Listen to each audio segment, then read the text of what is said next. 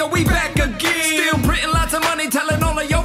I told you this would happen, but you were a doubting Thomas. 30 is the last trillion I'll ever need, I swear, I promise. Printing and spending for businesses we see hurt. So much theater stimulus, they call me Pee Wee Herman. It's like we're spending junkies, just getting the itch. Can I have another trillion? I promise my district is rich. It was a crisis before, we took the lesson to heart by spending so much money now with Britain pressing the charts. Spending billions and billions on military gear. Did any wind up with the enemy? What do you want to hear? Raise the debt ceiling, raise the debt ceiling, raise the debt ceiling, raise the debt ceiling again. Raise the debt raise the debt ceiling, raise the debt ceiling, raise the debt ceiling again. Back up in the Fed and we still super stoked. Somehow printing lots of money while we working remote. Still dropping IOUs in every fund, yes sir. Hamilton started this place, that's why the printer goes brr. Prices are rising at every venue, it's bad. And for sure that dollar menu looks especially sad. Gas prices are rising, it's getting hard for the competent. Cost an arm and a leg. Where am I? The Saudi consulate? Inflating the money, you should give it a try, son. M1 used to sink your battleship, now's what you used to buy one. Just say the magic word, I'll set the printer a buzz. Shaman might run out of paper, son, but guess who never does? Raise the debt ceiling, raise the debt ceiling, raise the debt ceiling, raise the debt raise the debt ceiling, raise the debt ceiling, raise the debt. Now, if you examine the chart and you look close again, we borrow more than 40 cents of every dollar we spend. Non discretionary spending is at terrible paces. Do you have a response? Yes, you're racist. We should spend most on children. We should spend most on patients. Hear me out. Why don't we spend most on interest payments? We're playing with fire. We know the end of the story. How do you classify your incompetence? Transitory. Objects in the mirror are closer than they seem. And to a man with the printer, each problem looks like a ream. But when I'm looking at the folks that we've elected to lead, I'm guessing that it won't be long till we're back saying we need to raise the debt ceiling. Raise the debt ceiling. Raise the debt ceiling. Raise the debt ceiling again. Raise the debt ceiling. Raise the debt ceiling. Raise the debt ceiling. Raise the debt ceiling again. Let's never do this again. Yeah. Jaha, ja. Ja, är det inte fantastiskt? Vad händelserik tillvaron har blivit. Det måste man ju ändå säga. Det är helt otroligt. Det händer så mycket saker. Och de på något vis vävs samman. På något spännande vis. Jag vet inte alltså. Mm. Vad kan det bero på? Vad kan det bero på? Kan det vara meningen? Kan det finnas en planering?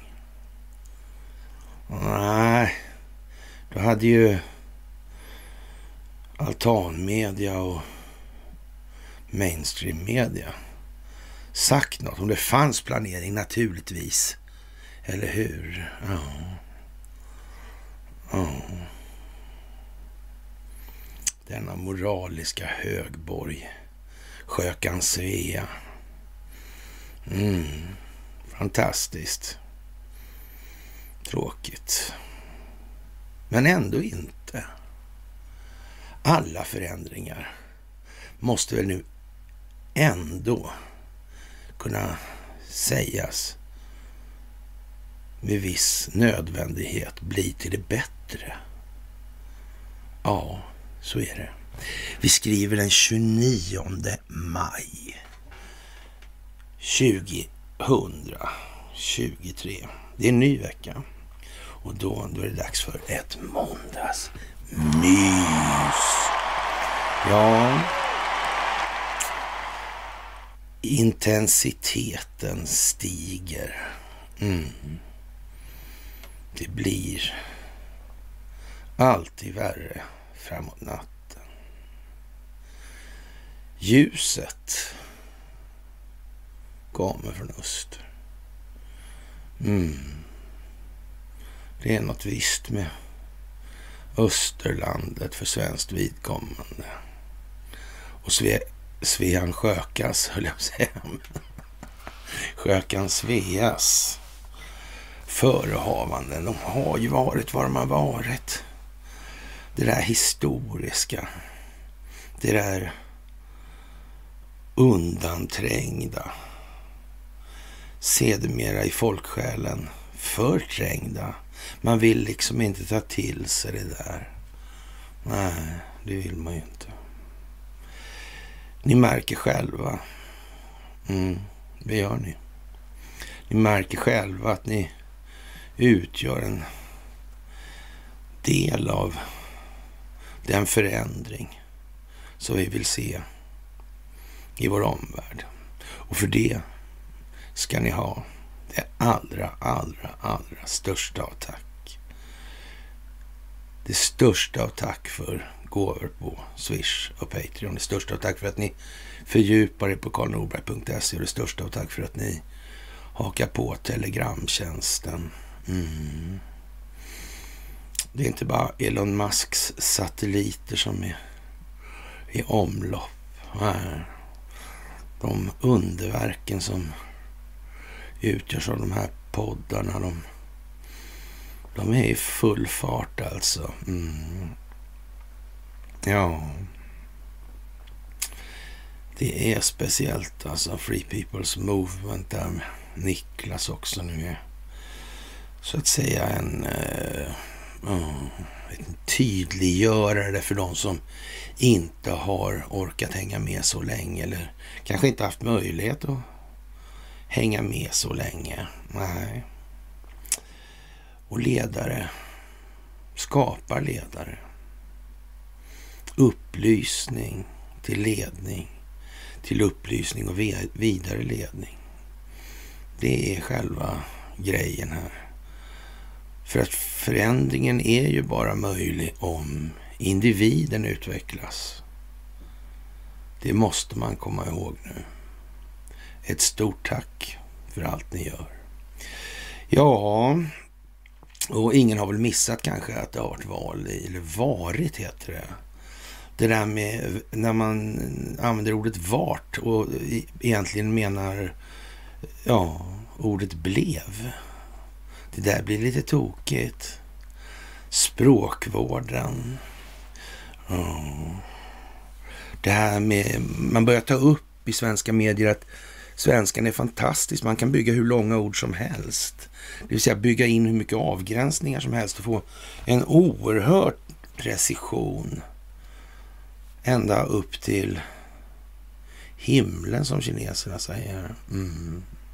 Undrar om det har varit en fördel att kunna kommunicera på det sättet. Undrar om det finns en fördel att se till att den svenska befolkningen inte kan kommunicera på det viset. Kan någon ha tänkt på det tror ni? Jag tror att någon kan ha tänkt på det. Faktiskt. Dessa någon. Ja.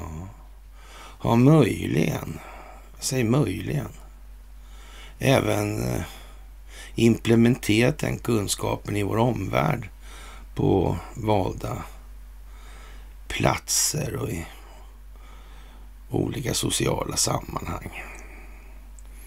Att verka utan att synas, mm, det är vad det är. Och ingen har väl missat att eh, fjärde man på banan utöver Xi Jinping, Vladimir Putin och Donald Trump är Recep Tayyip Erdogan. Mm.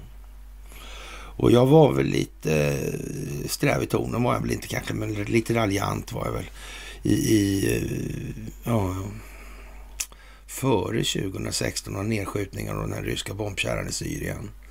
Mm. Sen blev det ju statskupp och då blev det glasklart alltihopa. Mm. Frågan är hur länge Erdogan har varit med på det här. Det kan ju visa sig vara väldigt, väldigt länge. Mm. Ja. Och han tänkte vara med på det här ända till graven, säger han. Vilken grav? Vems grav? Graven för vad?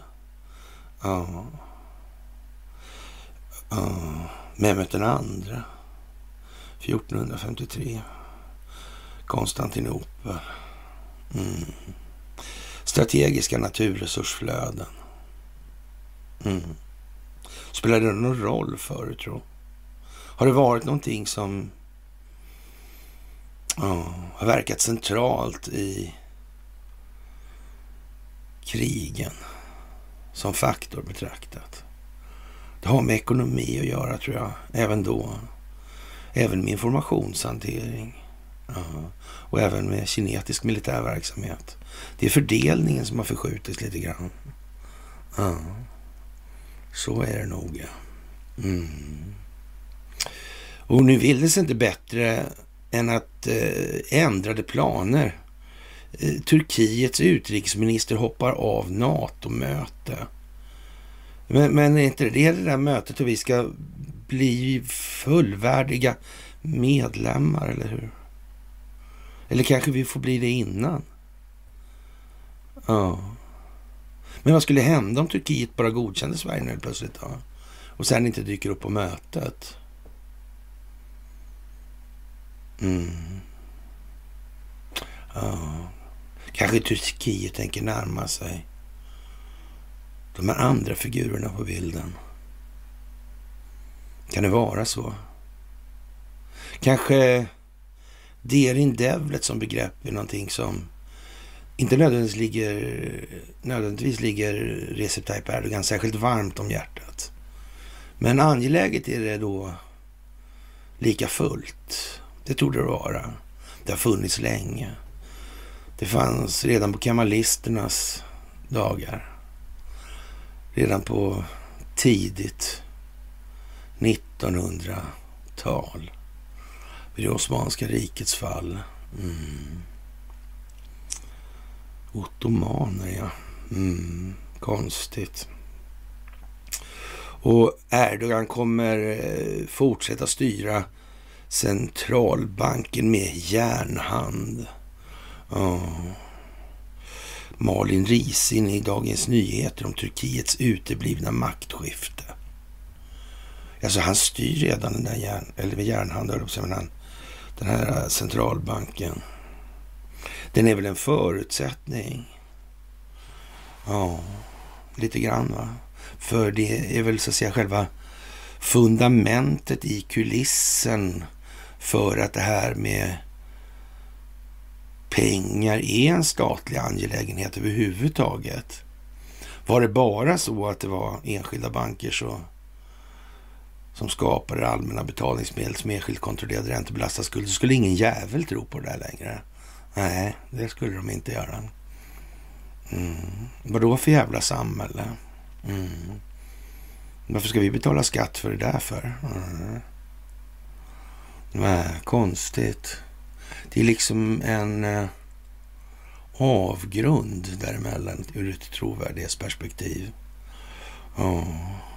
Vad kan det bli av det här tro? Det är jättesvårt. Mm. Jag undrar om det har att göra med självbilden alltså. Hur väl utvecklad självförståelse som individen har. Tror ni det? Och jag kan tänka mig att det har det faktiskt. Det är ju lite sådär alltså. Och det är märkligt hur nyheterna så att säga konvergerar ihop och kopplar i varann nu. Det blir bara mer och mer och mer. Ja. Uteblivna maktskifte. Låter inte det som man har närt en förhoppning på något sätt för maktskifte? Ja, kan det ju vara så ja. Mm. Centralbanken är alltså viktig i det där. Mm. Jag tänk om Turkiet går med de här andra. Mm. Det var några som gratulerade honom. Va? Alltså Recep Tayyip Erdogan, tror jag. Vladimir Putin gjorde det bestämt. Mm. Donald Trump, han vilade inte på lovorden heller. Nej. Gammal god vän. Mm, välförtjänt. Mm. Ja, det kan man väl tänka sig. Ja, vi glömmer ju å andra sidan aldrig när det vart någon demonstration där när Erdogan var i USA. ja, ja, ja, ja, ja. Och, och säkerhetsdetaljen bara skägga ut där i parken och, och boxade på de här demonstranterna. Det såg lite komiskt ut faktiskt. Ja, ja. Mm. Ja, jag vet inte. Som sagt, eh, forskarna bakom världens största lyckostudie, det gör oss, det gör oss lyckliga. Mm. nära relationer är receptet för lycka. Nära relationer innebär väl också en viss nödvändighet att eh, man själv är med i de här relationerna, tror jag sådär. Eh, det känns lite som det, faktiskt. Mm. Och Conny har naturligtvis nappat på det där, så ja. Så hur, eh, hur has det med den absolut närmsta relation vi kan ha som människor? Frågas retoriskt då från Connys sida. Och ja, jag vet inte. Kan man känna någon annan bättre än sig själv? Det, svaret på det blir ju naturligtvis att det blir svårt eftersom man bara kan känna och uppleva sina egna känslor. Det, det tog det vara givet alltså. Men, men, eh, vi tar vidare här då och, och sen trivs man inte med sig själv så är man uppenbart i en mindre bra relation och den är dessutom grunden för alla övriga relationer. Det tog ju väl ligga eh, i alla fall ett minimum av, av eller minimalt, eller kanske inte ens lite till kanske. En hel del kanske till och med eh, sanning i den meningen att det är verkligheten vi pratar om här nu i, i det uttrycket då alltså. Ja. ja. För det finns bara trots allt en konstant i alla relationer som individen har. Och, och tur är väl då att den är oföränderligt eh, föränderlig. Den kommer alltid att förändras. Ja. Man måste försöka utveckla sin självförståelse. Och det gör man med fördel genom att betrakta sig själv med, med något mer kritiska ögon än vad man själv tycker är riktigt bekvämt. Ja, annars går man bakåt istället. Då blir det på något vis eh, lite av ett självbedrägeri. Ja. ja, det är ju märkligt det här alltså. Det där med känsloskapande värderingsgrunder, det är tankestrukturer som påverkar, skapar den grundläggande komponenten i upplevelsen av verkligheten. Den värderande känslan, den kompass vi navigerar efter när vi rör oss i omvärlden. Men forskarna verkar mer intresserade av att titta ut än att in, än att titta in och köra de är ju inte direkt ensamma om det får man väl säga. Eh, trots att det är mycket lätt att förstå att det är omöjliga i att känna någon annan bättre än sig själv. Alltså ingen tror ju på allvar att man upplever någon annans känslor bättre än sina egna. Det, det, det fungerar ju inte riktigt så.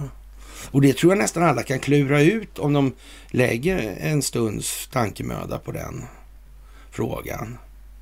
Det kan vara så, faktiskt.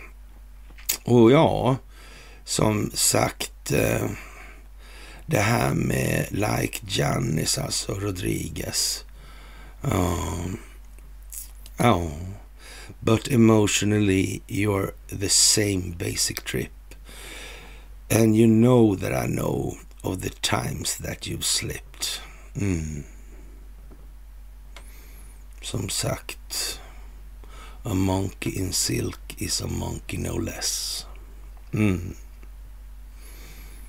Problemet är ju att människor förstår inte att de som har vandrat sin egen väg har ju också någon form av grund för sin bedömning av sig själva i det.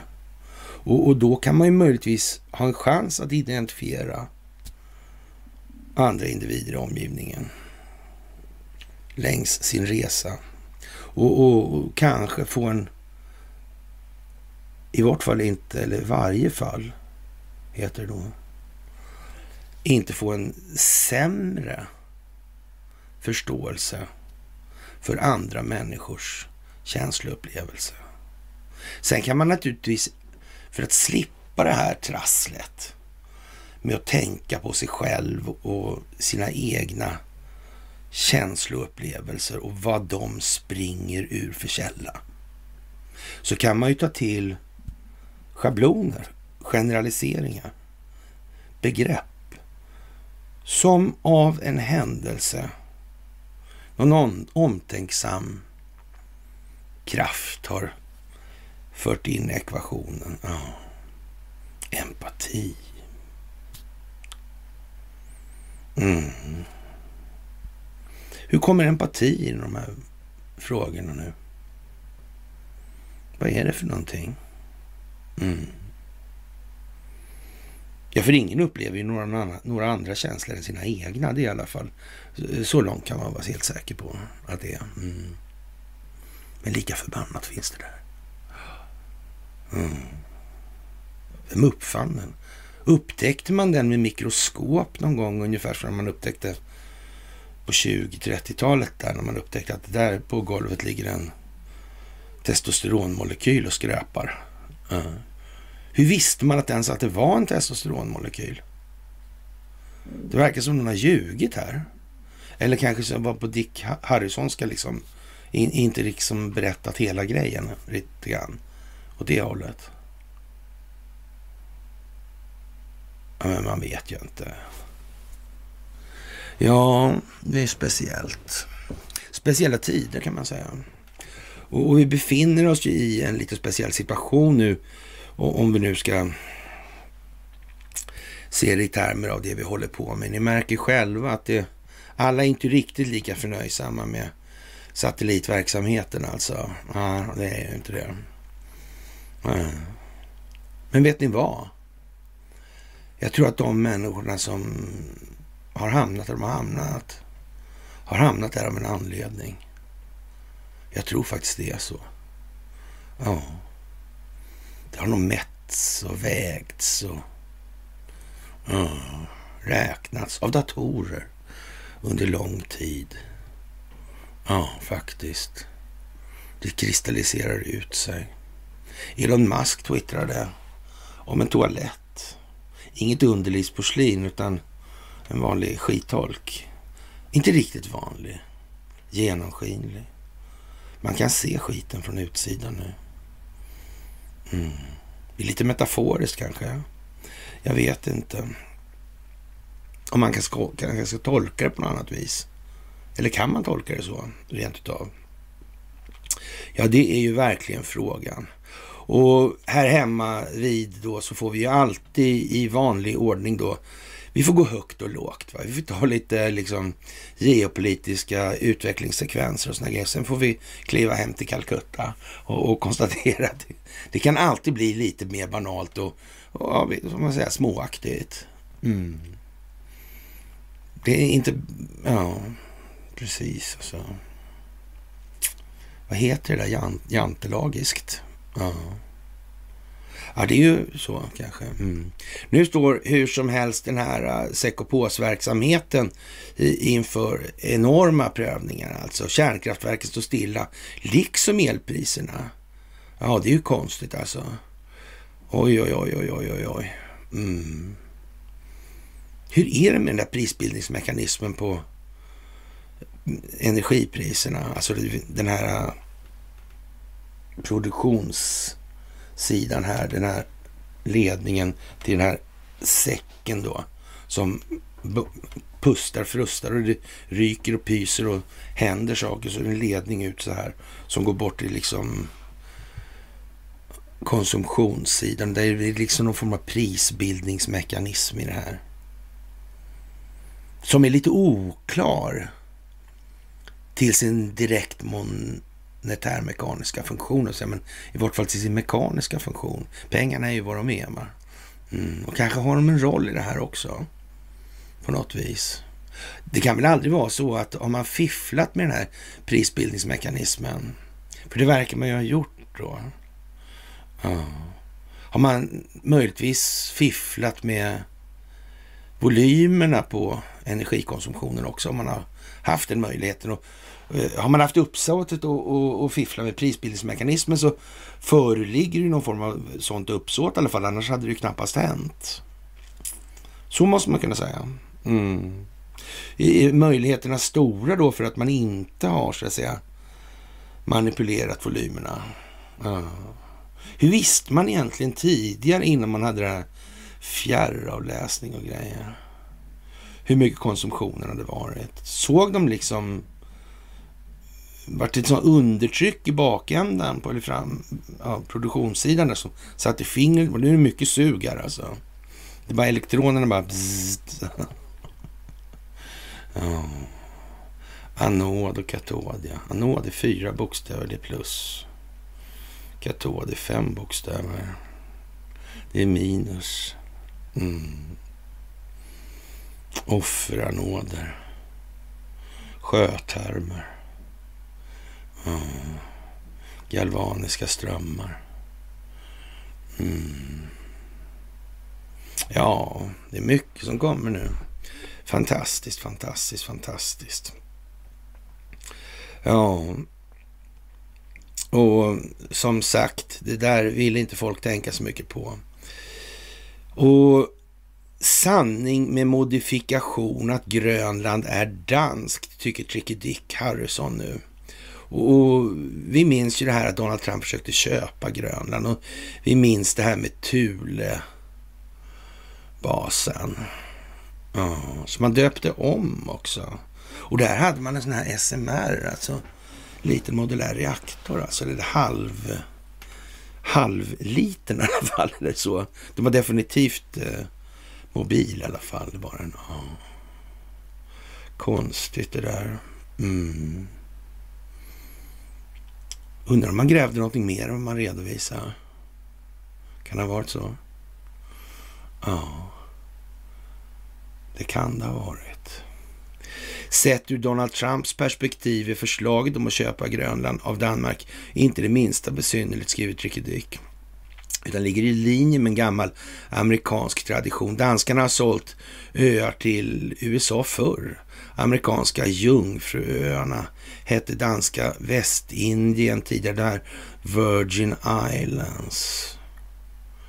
Ja, Vem, just det, det var någonting med Epstein där va? Var det inte det? Och det var någonting med ledningen för amerikanska Jungfruöarna och Epstein.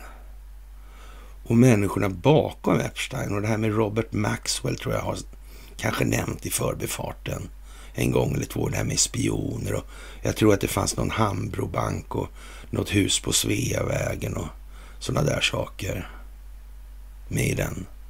Och förresten Epstein där, var inte han någon form av mecenat då? Till Barbro. Barbros Finest. Hon med syrran Karin Enbom. Med pappan på Riksrevisionen. Han som aldrig hittade någonting, några problem med Sida. Som håller på med kickbacks och Ja, muter. Vad konstigt. Konstigt. Och de här äh, uh, Sida. Barn. Barn. Dagens Nyheter har en artikel idag. Ja, vilken jävla soppa alltså. De här barnhemmen.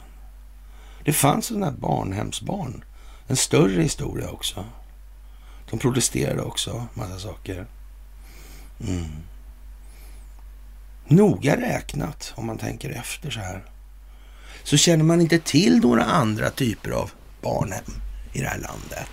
Det har funnits på allihopa. Det kan man ju säga å sin sida kanske beror på att det kan ju möjligen vara så att de som har satt sig i sinnet då att bedriva den där typen av verksamhet, eller otukt med barn alltså. Mm. Söker sig till sin egen målgrupp då så att säga. Mm. Ja. Röda Korset hade, ja, vad hette han, Göte tror jag. Ja. Han har förgripit sig på massa pojkar eller ja, killar. Mm, 70-talet, han dog 92 sen. Han var uppbackad av, tragiskt nog, militären. Mm. Jag vet inte, men... Ja... Jag har alltid undrat förresten här med Gålestiftelsen. Det har jag gjort. Det har jag alltid undrat över. Alltid, alltid, alltid. Mm. Men det har varit ganska tätt Har inte läckt så mycket där eller? Inte som på andra ställen. De här Dagens Barn är storskaliga där med. Ja. Men det tycks aldrig bli någon så att säga ja, något samhälleligt ansvarstagande i det där. Det blir alltid massa eh, fina ord och så, men det blir aldrig någonting av det där. Nej, det blir det ju inte. Det blir ju inte det. Och något straffrättsligt ansvar, det är ju bara att glömma liksom. Sen var naturligtvis Röda Korset inblandat. Röda Korset, ja. Haiti. Eller Tahiti. Ja, jag vet inte. Flyktingströmmar, naturkatastrofer. Ja, undrar om de har kommit på att de skulle kunna använda det om de vill hålla på med sånt där. Det är mycket oklart alltså. Mm. Eller rättare sagt, nej. Det kanske det inte är. Ja, amerikanerna köpte i alla fall de här eh, danska Västindieöarna då för 25 miljoner kronor år 1917. Ett fint år alltså. Windsor bytte namn, höll jag säga, men Kobergota bytte namn till Windsor. Ja. 50 år tidigare inhandlade man Alaska för 7,2 miljoner dollar av Ryssland. 1819 eh, köpte USA Florida med angränsande territorier för cirka 5 miljoner dollar av Spanien och för 10 miljoner införskaffade man 1853 stora landytor från Mexiko.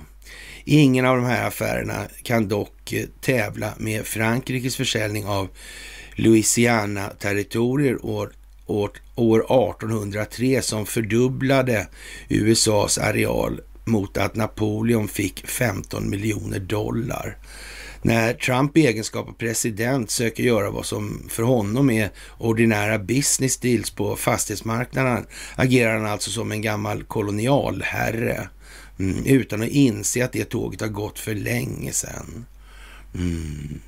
Ja, för Dick han vet ju det att dagens moderna kolonialherrar, de måste faktiskt verka utan att synas och de måste så att säga ha förgiftat och korrumperat statsförvaltningar i sådana här sammanhang. Mm. Och det kan ju möjligen vara på så vis att Donald Trump vet det också, att det är en väg att komma åt det här. Mm. Grönland, Barnhem, Åland. Ingen koppling där kanske. Den här liraren som hade den här eh, födelsedagsfesten. Ja. ja, ja, just det. Åland, ja. Speciell skattejurisdiktion där. Han redaren Eriksson. Segelfartygen. Pommern, Pamir och Passad. Mm, fullriggare i stål. Stål. Nej, barkar var det. Stålbarkar var det. Tror jag. Var det? Ja, för, ja. ja det var rår på alla, tror jag. Mm. Mm -hmm. Ja, det är ju konstigt alltså. Ja, och mm, speciellt alltså. Han inser inte alls att tåget har gått för länge sedan. Ändå Eh, ända sedan det andra världskriget har kolonialmakterna lämnat tillbaka territorier, inte införskaffat nya. Detta för oss över på en fråga som sällan dras upp i media. Vad har danskarna på Grönland att göra? Danmark ligger ju inte ens i Arktis. Ja, hur kom det där sig? Bakgrunden är att söka i Kalmarunionen under senmedeltiden, då det norska monarkin slogs ihop i en personalunion med den danska och den svenska, medan svenskarna snart bröt sig loss, skaffade sig egna kungar och slutgiltigt genom Gustav Vasas tronskifte 1523 blev Norge och dess biländer kvar som underordnade Danmark. Ja, vem var det egentligen som bestämde vid den här tiden då? 1400-1500-talet där, eller i alla fall i början. Från 1350 skulle man kunna säga i alla fall. Något sånt där. Var, var inte han Bosse Jonsson Grip där också? I farten där någonstans. Jag tror det. Jag tror det faktiskt. Han kaffas... Men om han ägde allt det där, alla var skyldiga honom så in i helvete med pengar. Alltså, det var inte så att han skaffade sig en massa marionettkungar då? då? Han hade ju mest pengar. Han hade ju råd att hålla sig med ett legoknäkteri som var värt namnet i alla fall då. Inte moraliskt värda så mycket men ändå. Ja, det är gammalt det där här uppe tror jag. Ja, Faktiskt alltså. I hundratals år kom Färöarna, Island och Grönland att sortera under regimen i Köpenhamn. Regimer, vilket lustigt ordval. I Grönlands fall upphörde detta förhållande i praktiken redan på 1400-talet när den nordiska befolkningen på ön försvann. Ingen vet hur det gick till. Eh, man har föreslagit klimatförsämring. Ja, men eh, det var väl konstigt. Ja. Inavel, överfall från sjörövare som hade vägarna förbi.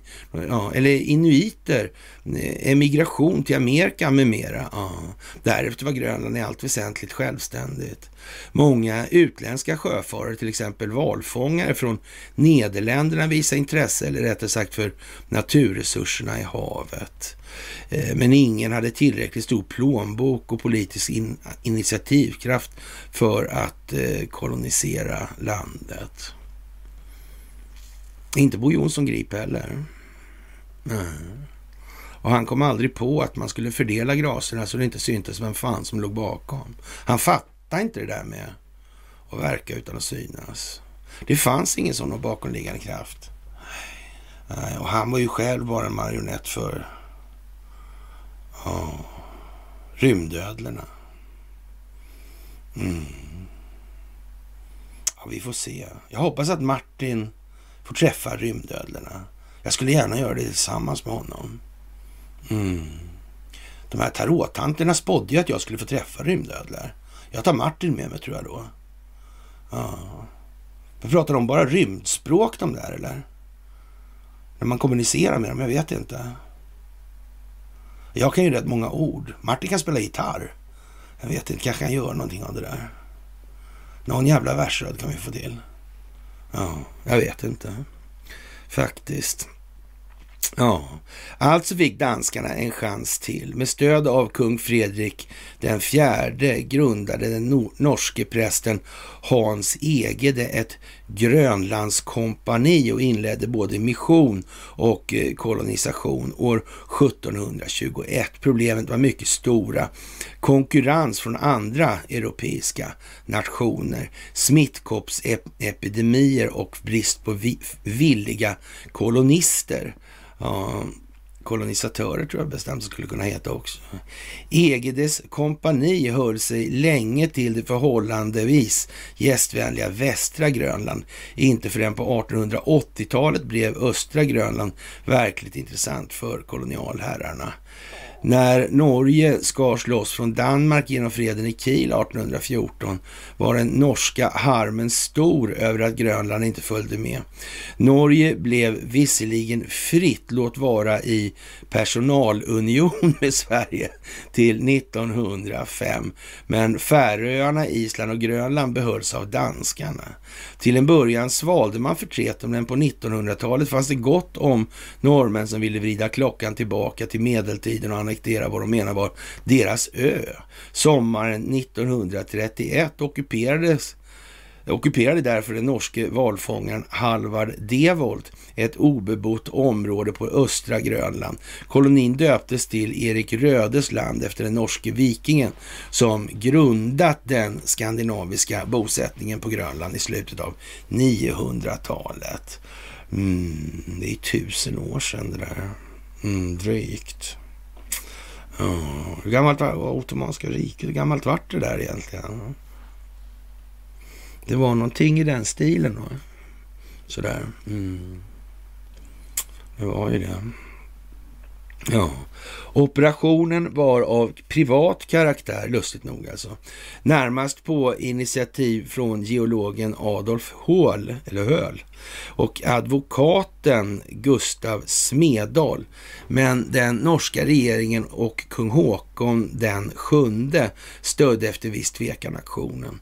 Försvarsministern Vidkun Quisling, sedermera beryktad som Hitlers högra hand i Norge, beordrade marinen att om nödvändigt inskrida för att stödja de norska anspråken. Påföljande år utvidgades väldet med ett sydligare område, Fritjof Nansenland.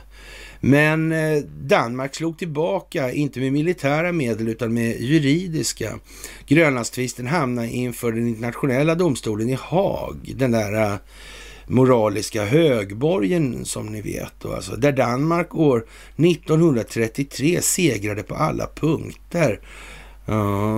Den 5 april 1933 accepterade Norge domstolen, eller domslutet och drog sig tillbaka. Att säga att Grönland är danskt är dock en sanning med modifikation. Grönland fick självstyrelse 1979 då huvudstaden eh, Gotthåb bytte namn till Nuuk. Och detta utvidgades kraftigt efter en folkomröstning 2008. Påföljande år avskaffades till och med danska som officiellt språk. Men eh, drottning Margrethe den andra kvarstår som statschef. Mm, denna icke oväsentliga detalj har alltså gått Trump förbi. Skriver Ricky Dick. Verkligen alltså, vad säger vi? Det var, så måste det vara. Det har han missat. Mm. Han har liksom inte tänkt i något längre strategiskt perspektiv. Nej. Nej. Han är ju liksom en osnuten bondkanin. Mm. Det är, han är inte lika slipad som Tricky Dick. Nej, det är han inte. Mm. ja. Är det någon som kan tänka sig att Tricky Dick berättar en historia som någon skrattar som inte är ja, salig hädangången, eller jag på att säga. Men saligt saktfärdig kanske. Jag vet inte. Mm. Ja. Konstigt alltihopa tycker jag. Ja. Som sagt. Och Eh, ja, jag raljerar ju lite över det där med sultanatet före nedskjutning där ryska bombplanet och jag får väl äta upp det lite och mm, ja, den här fjärde personen på vår bild där då, min och Johannas bild där, så, så ja. Han kommer upp alltså i olika sammanhang, alltså Recep Tayyip Erdogan. Mm. Att Sverige måste ha eh, en part att prata med när det skorpar till sig. Någon som vi kan överlåta delar av statsförvaltningen till vid behov alltså. För det var väl därför de stiftade eller skrev om de här lagarna. Jag, jag, jag misstänker att det var därför i alla fall. Mm. Undrar vilka delar det rör sig om. Mm. Ja.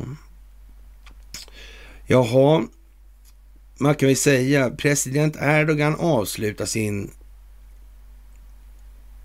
valkampanj inför första valomgången i Hagia, Sof Hagia Sofia, den kristna kyrka som eh, sedan blev moské, moské, därefter museum och så moské igen 2020. Idag kan han återvända dit som den store erövraren av makten. Det ser onekligen ut som en tanke. Det är Svenska Dagbladet alltså idag. Valet flyttades fram till den 14 maj för att sammanfalla med dagen då islamister för första gången kom till makten i ett turkiskt val 1950. Och idag kan Erdogan fira valsegern på 570-årsdagen av Konstantinopels erövring. I april 1453 lät sultan Mehmet II sin osmanska armé omringa Konstantinopel från land och hav samtidigt och kanoner bombarderade stadens murar. Efter 55 dagar kunde det bysantiska rikets huvudstad inte längre hålla emot. Vi tänker nu även på bysantiska hästar och fnasket i plasket i Gävle. Mm. Vi tänker på Erik Grate. Mm. Det finns ingen planering bakom allt det här. Whatsoever. Däremot finns det rätt många obildade människor som påstår att allting är en slump. Ja. Det beror ju på om man tittar lite snett på saker eller inte. Man tar ut ett annat perspektiv liksom. Ja. Men det är alltid lättare att titta på saker uppifrån. Om man ska se omfattningen. Det, jag tror det. Men är inte alla, håller, alla håller inte med mig om det. De vet inte varför de inte håller med, men de håller inte med.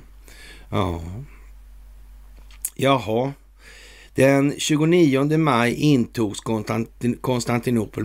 Mehmet själv led, red ned genom eh, stadens gator den kristna världens största katedral, Hagia Sofia och eh, Hagia Sofia, gjorde den till moské. Där prisar han Gud för framgången, precis som Erdogan kan komma att göra idag då. Mm. Valsegern blir en bekräftelse på att en majoritet av det turkiska folket uppskattar den auktoritära väg som Erdogan slog in på efter att han blev president 2014. En väg som gjort honom allt mer lik en envåldshärskare. Somliga kallar honom till och med för en ny sultan. Jag sa ju lite putslustigt det där med sultan, sultanen av kebab då. Vilket kanske inte var så eh, menat på det viset. För det var väl så att eh, vi äter väl en hel del kebab här. Om jag var Recep på Erdogan, bara hypotetiskt alltså, och hade klart för mig vad Terin Devlet var för någonting redan tidigt. Vet ni vad? Jag skulle göra då? Jag skulle ge mig på att infiltrera kärnan på den strukturen. Mm. Det skulle jag faktiskt göra. Mm. Det vore tjänstefel av den turkiska underrättelsetjänsten att inte göra så. Helt säkert. Man har problemen hemifrån. Ja. Den där organisationen föds utifrån. Matas utifrån. Mm. Ja, ja, det där är... För islamisten Erdogan har under sina två decennier vid makten inte bara flyttat fram religionens betydelse. Han har även samlat allt mer makt i sina egna händer. Mm. Ja, han är väldigt sådär... Uh, rabiat nästan alltså. Uh, extremistisk. Det, är för lindrigt alltså. Mm. Überradikal kanske. Radikalkvadrat. Mm. Eller något sånt får man nog dra till med. Han är inte alls sekulär. Han har visserligen varit fotbollsproffs liksom. Mm. Hur länge har han varit på bollen då? Mm. Han fattar nog ingenting om någonting. Nej. eller, gör, eller så gör han ju det. Mm. Och det, ja visst, det var en snedbedömning av mig där innan. Ja, den nedskjutningen, för då blev det helt solklart vad han höll på med. Men innan dess var det inte så jävla, ja, tyckte nog mest att... Och, och det är klart att man kunde ju ha sett det här med Bilal Erdogan och eh, handel med Isis-olja och pallar med dollarsedlar. Inte ett dugg uppseendeväckande.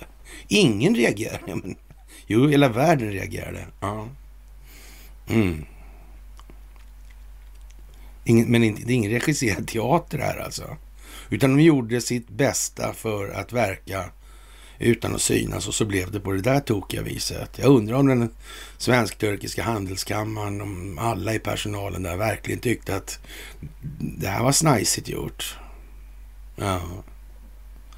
Ja, ja. Ja, det där är speciellt alltså. Men det är trevligt att det går som det ska helt enkelt. Det måste jag säga alltså. Ja, Sen 2018 är parlamentarismen ersatt av ett presidentstyre. Erdogan och hans eh, parti kontrollerar också större delen av landets medier. Eh, ja, vilket svin alltså. Ja. Myndigheter och institutioner. Jaha. Mm. Och efter att ha sparkat flera centralbankschefer tog presidenten även kontroll över styrräntan som eh, sedan dess sänkts i steg efter steg med stegrande inflation som följd. Ja. Men nu fanns det ju ingen sån mekanisk koppling var vi ju på det klara med. Hur menar de här egentligen? Ja. Ja, nu är i alla fall frågan här i Svenska Dagbladet, nu är frågan vart Erdogan kommer att föra landet. Ja, var åt i för riktning skulle det väl vara då, men ja. Var heter det annars, eh, kommer att föra landet under de kommande åren. 1996, ett jävla oskick med att börja med siffror också i den här texten. 1996 deklarerade han att demokratin är ett medel, inte ett mål. Eh, vad, det är väl vägen kanske då att upplyst medveten befolkning. Jag tror att det är Eh, ja, det är resan som är målet. Jag tror det är så. Eller tror man på allvar i Svenska Dagbladet att man, vi kommer att nå gudomlighet? Kanske inte. Nej, jag tror inte det heller alltså. Ja, konstigt. Samtidigt är landets befolkning delad. Knappt hälften av väljarna röstade i valet för, för en helt annan väg. Eh, kommer presidenten att bry sig om dem? Tveksamt enligt bedömningar.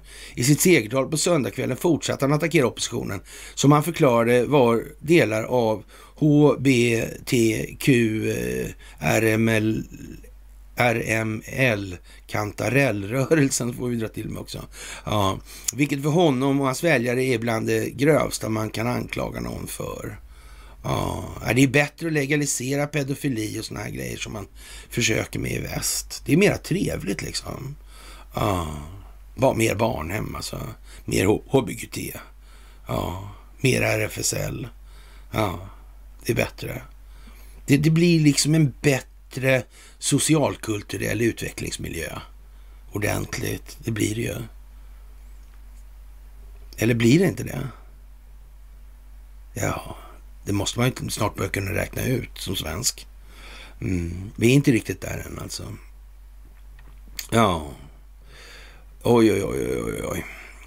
Ja, den attityden bidrar sannolikt till att unga välutbildade fortsätter att rösta med fötterna och lämna landet.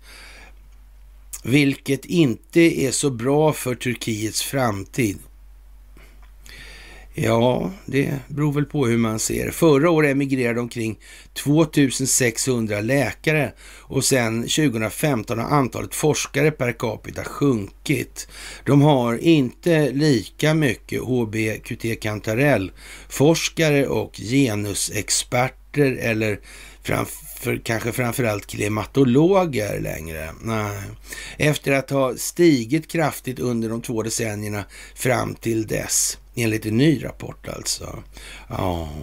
Å andra sidan vet man aldrig säkert med Erdogan. Han har en historia av att kunna ändra riktning också. Jaha. Han är inte som domare Strängberg i Hur det blåser på morgonen av e- e- Erik Linklater där alltså. Ja, han kan värdera om alltså. Ja, ja. Kanske tar han efter erövraren Mehmet och den andra som bemötte dem som besegrade med betydligt mer mildhet än vad som var vanligt under hans tid och oerhört mycket bättre än korsfararna gjorde under sin framfart. Jaha. Men det var ju konstigt. Hm. Så märkligt. Jag trodde de här korslirarna liksom, var inte de snälla och bra liksom. Jaha, var det ett rövarpack alltså? Mm. Ja, vad konstigt alltså. Mm. Ett första tecken på varåt Turkiet är på väg kan vara hur Erdogan hanterar Sveriges NATO-ansökan. Vet ni vad alltså? Tänka sig kom det upp här också. Framöver, eller framgent blir det då. då. Ja, väljer Erdogan att ytterligare närma sig Ryssland? Eller vänder han sig västerut för att återgå till sin tidigare så framgångsrika strategi att balansera öst mot väst? Det återstår att se. Svaret kan avgöra när Sverige blir medlem i NATO. Mm. Det verkar på något vis som att man har från eh, ja, prostitutionsbrigadernas sida här på staberna räknat ut ungefär vad det här handlar om. Eller fått vissa så att säga, läsanvisningar kanske det kan vara också. Eller direktiv rent utav alltså. Chefens beslut i stort alltså. Mm. Som sen ska brytas ner i mindre delar till lägre nivå hela tiden. Så håller det på sådär. Mm. Ja, och som sagt det här med Free People's Movement och eh, Niklas eh, lilla eskapader här med telekommiljön eller telekom infrastrukturkontrollen. Mm, kryptologin och så vidare. Mm. Nu är det vad det är. Det här är inte något som ja, alternativmedia är ett dugg intresserade av. De har gubevars jobbat åt Ericsson, flera stycken av dem. Mm. Ja, men tänk alltså. Så dumt. Så dumt, så dumt, så dumt. Ja, fantastiskt alltså. Helt enkelt. Och Muammar Gaddafi, ja. Mm. Han ville bygga ett enat växande nordafrikanskt samarbete och lämna petrodollarn. Mm. Ja, jag vet inte. Vad ska vi säga? Vad sa Hillary? Tänk vad fantastiskt Sverige är. Det mest Clinton Soros lojala landet på jorden. Mm. Vi är nästan nere på den nivån nu att vi kan säga, undrar hur mycket de hacka och hacka liksom.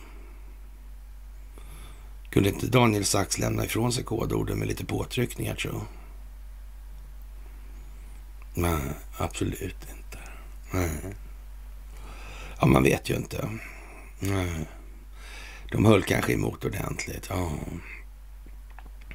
Och den här eh, mördarvalen är det ju inte, men, men, i alla fall så är det ju en vit val då, en Eh, liten vit val som är i, i Hunnebo strand. Då. Mm. Det är konstigt alltså. Den heter Vladimir nästan i alla fall. Ja, så det är en spionval såklart alltså. Det är det ju. Mm. Men så skulle ju aldrig någon göra heller. Vilka var det som höll på med sådana där experiment alltså? Ja, jag vet inte. Men de fick ju inte fortsätta i alla fall sen. Har jag för mig. Med, med de här elektroderna i skallen på delfinerna och sånt där. Eh, äh. Höll de på som med vargarna också tror jag. Och genmanipulera och grejer. Det är lite som Jurassic Park. Eller 100 procent som Jurassic Park kanske hela tiden. Kanske var det det handlade om alltihopa, den där DNA-förändringen. Mm. Inte skulle väl de... Gain of function. Ja, ja, ja. DNA-sekvenser. Hm. Mm. Umeå. Tedros. Knut och Alice Wallenbergs stiftelse. Vad vet jag.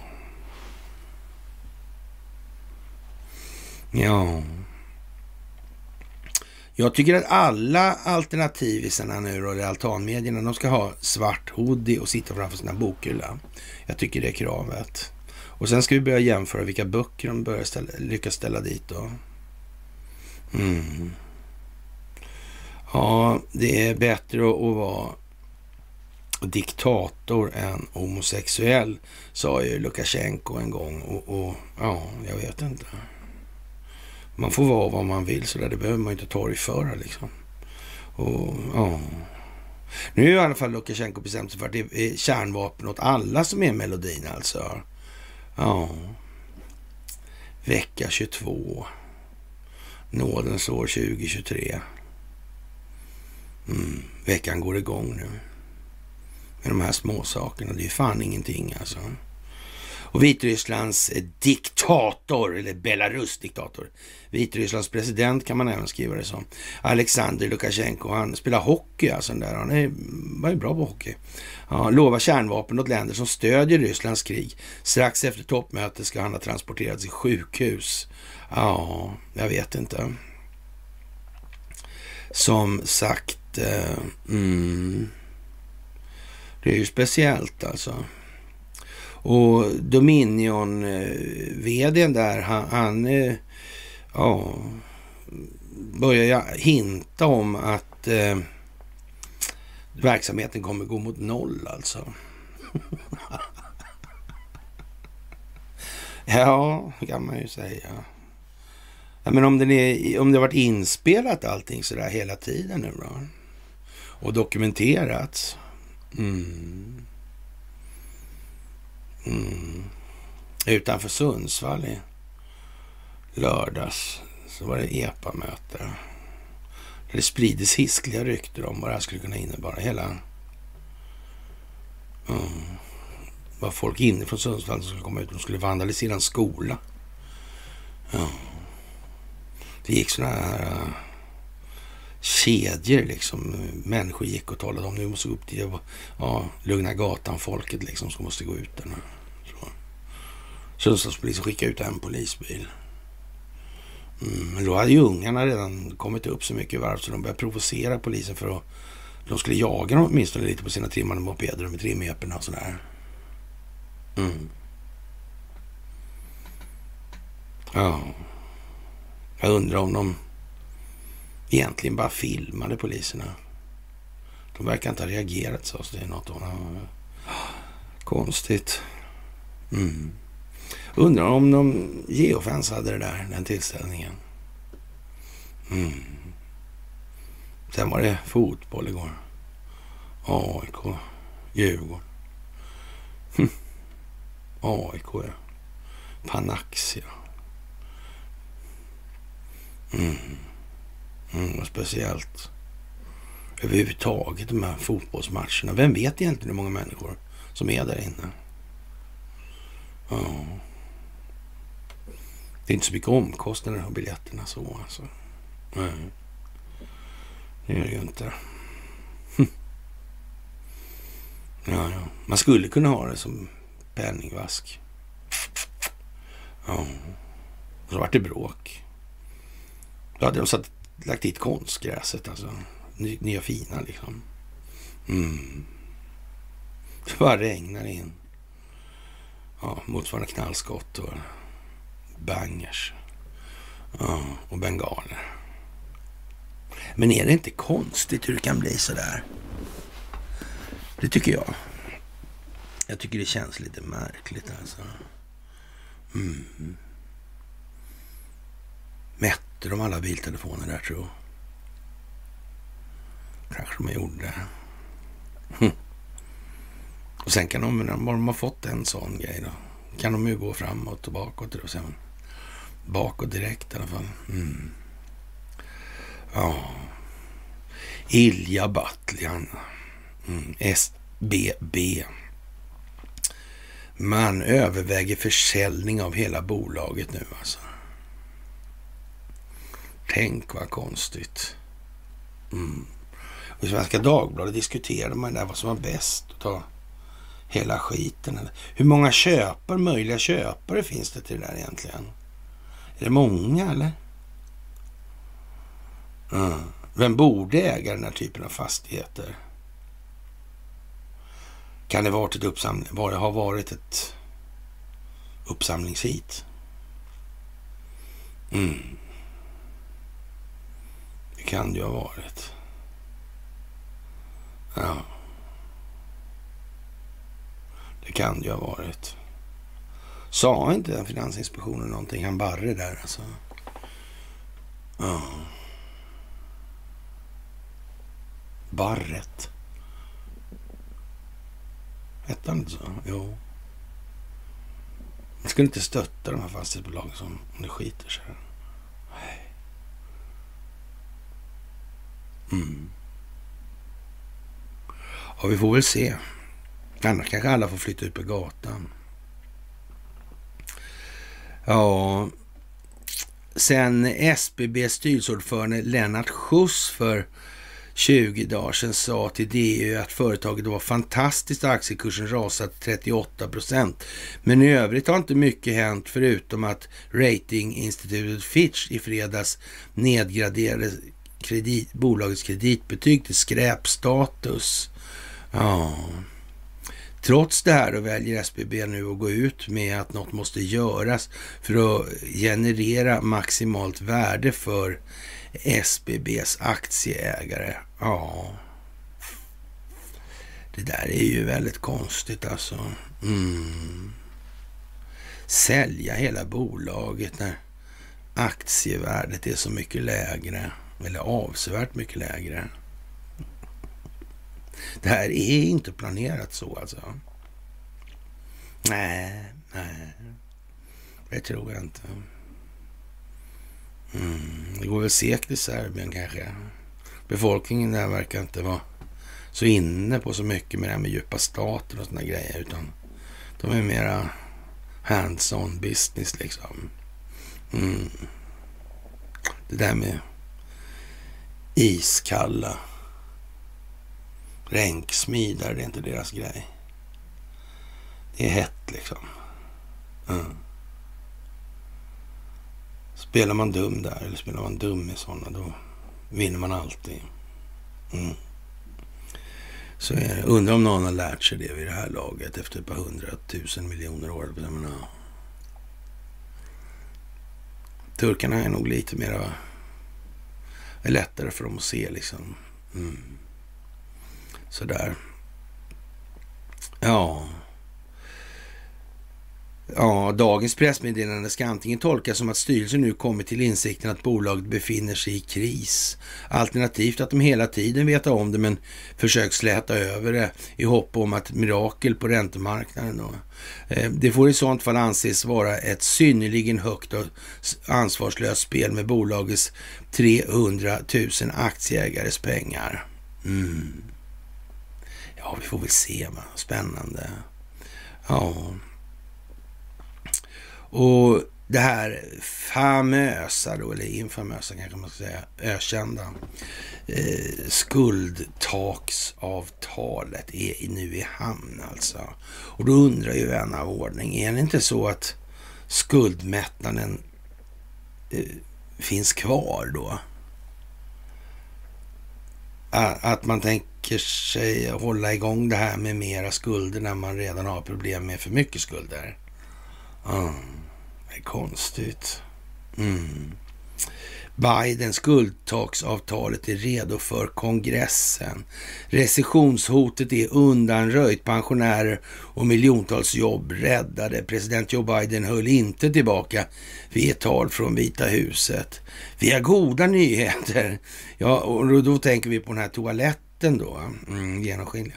Jag har pratat med talman Kevin McCarthy då och vi har nått ett partiöverskridande budget, en, en partiöverskridande budgetöverenskommelse som vi är redo att lämna över till kongressen. Enligt Biden undviker USA den värsta tänkbara krisen. Presidentens, presidenten uppmanar kammaren att godkänna uppgörelsen. Ja, avtalet innebär också, att, också en kompromiss där ingen fick allt den ville, men så är ansvaret när man styr, säger Biden i samband med en kort tillkännagivande från Vita husets Roosevelt-rum för säkerhets skull. Jaha, ja. Roosevelt då, säger väl vi då, tror jag. Ja, På en fråga från en av journalisterna om hur presidenten ser på kritik från de egna partiledaren om att han gått med på för stora eftergifter, svarar Biden. Det kommer inse att jag inte gjorde det. Utan en överenskommelse skulle USA antingen senare i sommar behöva ställa in betalningar på sin stora statsskuld eller genomföra kraftiga nedskärningar i statsbudgeten. Framförallt på sociala utgifter. Det skulle enligt Biden kunna leda till en recession med miljontals förlorade jobb och bli ett hårt slag för många pensionärer. Det är inte första gången som skuldtaket är en stötsten. Det blir ju varje år i och för sig. Då, så där demokrater och republikaner har svårt att komma överens. Alltså, vi har gått igenom det här med en en gång, säger han där Biden, eller underlivsporslinet. Det tillhör sakens natur om hur vi hanterar underskottet varje år och hur vi ska betala våra skulder. Eh, det är man inte frågan om, eh, inte, att det heter inte så. Alltså det heter inte vi varje år ska betala våra skulder. Man, det är en, en välvillig formulering. Betala för våra skulder, alltså räntekostnadsförsörjningen som är frågan här. Alltså. Mm. Ja, ni vet ju den där amorteringen, den är inte liksom... Det, skit i det där liksom. Köper man en vinäger, han vill ha ett skål kött alltså. Det är det. Skulden är inte frågan. Nej. Det är bara så. Ja, faktiskt alltså. Mm. Ja, speciellt nu måste man ju säga. Mm. Det här har hänt tidigare och kommer att hända igen. Men det kommer antagligen inte uppstå de kommande två åren, säger Biden. Nej, det kanske är så faktiskt. För mm, mellan skål och vägg så är det väl så här.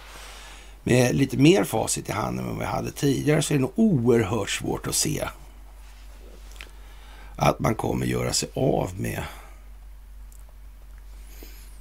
Joe Biden på det viset alltså. Mm. Då måste man ha otroligt mycket på fötterna. För det finns en hel del badwill som måste uppbäras av någon alltså i det här.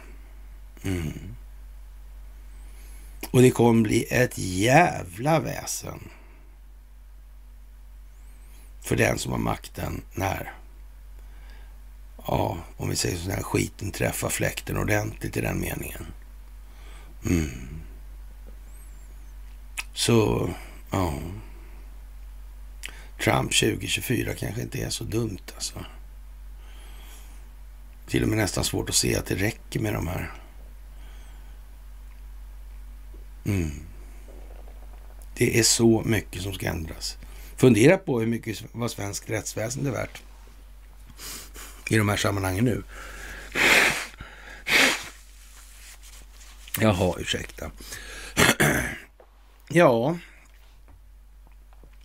Republikanen McCarthy, USAs representanthus talman, skriver i ett uttalande att den här ansvarsfulla skuldtaksöverenskommelsen minskar utgifterna generellt, minskar icke icke försvarsrelaterade utgifter och minskar underskottet till skillnad från alla skuldtaksöverenskommelser i modern historia. Republikanerna har en snäv majoritet i representanthuset, men Biden tror att Kevin McCarthy kommer att få tillräckligt många ledamöter att godkänna förslaget. Jag tror han förhandlade i god tro. Han höll sitt ord och gjorde vad han sa han skulle göra. Jag har ingen aning om om han har rösterna som krävs, men jag antar att han har det. Annars skulle han inte ha gjort uppgörelsen, säger Biden. Mm. Som helt plötsligt är glasklar i skallen alltså. Ja, ja det här med olika eh, människor. Det, det, här är ju ett sånt ämne som är lite svårt att, att prata om i, i den meningen att det finns ju massa människor som pratar om det och extremt få av de här människorna fattar ens vad det här med skuldmättnad är för någonting och varför det blir så. Det här med tillväxtkravet alltså och att det här tillväxtkravet ökar med tiden exponentiellt alltså. Mm, det ökar exponentiellt hela tiden men när skuldmättnaden inträffar, när tangenten till räntekostnadstillväxten är 45 graders lutning alltså. Mm. Ja, det blir lite sådär alltså. Den djupa staten förlorar hur som helst på alla fronter. De finns nu alltså. Och, och ja, man kan se vilka planläggningar de har haft helt enkelt. Och när den djupa staten försökte implementera den här ja, kritiska rasteorin och, och woke-propagandan i skolorna och Ja, och de har använt då FBI och Department of Homeland Security för att mota och hota föräldrar som var emot propagandan i USA. Och det ser hela världen alltså. Det är nog helt otroligt alltså. Och, och de här företagen som försöker med det här, Budweiser och så vidare. Mm, det blir ju inget bra alltså, det slår tillbaka direkt.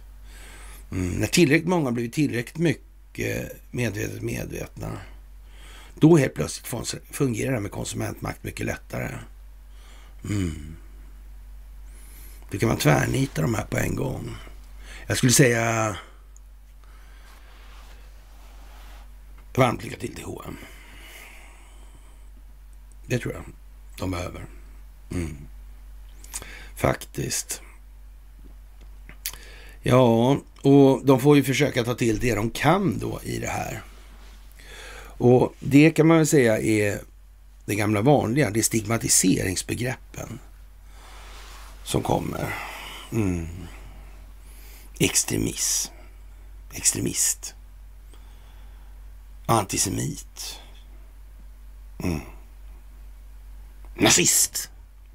Mm. det är inte fantastiskt. Jag tror jag har hetat det mesta. Mm. Jenny Mark kallade mig för negerälskande judekramare en sväng alltså. Mm. Mm. Och sen bjöd de in mig som antinazist också. Jag var med på också, så det var ingen fara. Ja. ja. Ja, det där... Ja. Vi måste plocka ner de här verktygen de har. För att hålla det så. Då. Vi kan inte vara rädda för att diskutera ord och ords innebörd. Det kan vi ju inte vara. Ska vi rädd, vara rädda för att diskutera verktyget för vår egen kommunikation? Jag menar, låter inte det liksom jävligt korkat? Jag tror att det är korkat i alla fall. Ja, och de försöker alltså ta den gamla vanliga skitiga nivån. Det räcker inte alltså. Faktiskt. Så det som står för dörren då, det blir ju liksom lite kaos och våldsamheter. Då kan vi se hur de här äh, derbyna eller EPA-träffen utanför Sundsvall där kommer här. Men vem är det som ligger bakom de här geofensningarna då? då? Mätningarna? Är de till och med framprovocerade för att kunna mäta ut eventuella presumtiva operatörer, gärningsmän, medverkande. Mm. Ja, men det kan vara så. Jag tror det. Ja, och det går ju inte längre alltså. Mm. Och det som skrämmer den djupa staten just nu, de här människorna, det är ju det här att eh, ja, de har inte kontroll längre över den här informationshanteringen. Mm. Det går inte längre. Det är kört. Det är kört. Och det här med alternativ media, det är också kört. Det spelar ingen roll hur många bokhyllor och svarta hoodisar de sätter på sig. Nej, det gör inte det. Men jag tror de vet det. Faktiskt. Jag tror till och med det är så illa så att det finns regi på det. Mm. Det kan man ju tänka på kanske. Mm. Man ska inte utesluta att det kan vara så i alla fall. Ja. Som sagt. Eh, ja. Och alternativa medier då. då. Mm, alternativa kanaler, det finns ju. Alltså. Och mycket av det ska jag också säga till, till de alternativa, alternativas försvar då i det här. Men det är ju många saker av de här, här liksom, vad man förmedlar information. Jag sa det till den här, ja, vad fan han nu hette, Isak Boman, vet han. Mm. Jag sa det faktiskt till honom att, eh, alltså problemet är ju kanske inte egentligen vad de säger utan det är vad de inte säger hela tiden. Som blir problemet. Så det blir så belysande liksom. Man, man kan ju hålla på och tjattra om det här med skuldtak hit och dit. Och så kan man skita i det här. Vad är det som skapar det här i grund och botten rent mekaniskt? Och anledningen till att man inte pratar om vilken är den då liksom? Det är ju själva förutsättningen för allting. Varför tar man inte upp det? Är det inte bättre att enas kring att det är så då? Och förklara så folk förstår varför. Ja. Och sen, så att säga, utifrån det kan man då, utifrån den problemformuleringen enas kring vad, vad, vad ska man göra för någonting åt det här då? Hur, hur ska man agera i förhållande till det? Och det här verkar ju ändå på något vis ske eh, på något vis i, i samband eller i ett sammanhang ska vi kanske säga där eh, samma typ av tankegångar och sekvenser existerar i princip globalt nu också för säkerhets skull. Mm. Men då ska vi springa runt och tro att vi ska ha en liten egen svensk lösning här kanske. Som dessutom inte berör de här grejerna. Som dessutom tycks härsamma här från någon jävla centralbank från, ja vad var det nu, 1668 kanske eller sådär va. Mm. Ja, det är ju konstigt. Alltså, någonstans måste ju dårskapen ha börjat. Här var den först i alla fall. Eller är det någon däremot argumentmässigt nu? Nej. A monkey in silk is a monkey no less. Ah. Det är alltså så va, i en humanitär stormakt. Skiten sitter djupt. Erdogan vet det. Det är det som är grejen. Han gör faktiskt det. Helt säkert. Ja, som sagt. Eh, och ja, djupa staten kan ju inte skrämma folk då liksom och köpa Bud Light eller sådär. Eller. Det går ju inte alltså. Ja. Det där är svårt när det kommer ekonomi in i det här från djupa staten och, och ja, speciellt när den är ansträngd från andra hållet i så att säga själva trovärdigheten för fundamenten i systemet börjar ifrågasättas. Mm. Ja, då är det sådär tror jag faktiskt.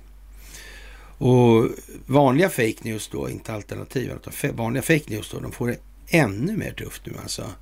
De blir överkörda med sin propaganda och mm, det är de digitala soldaterna det. Mm.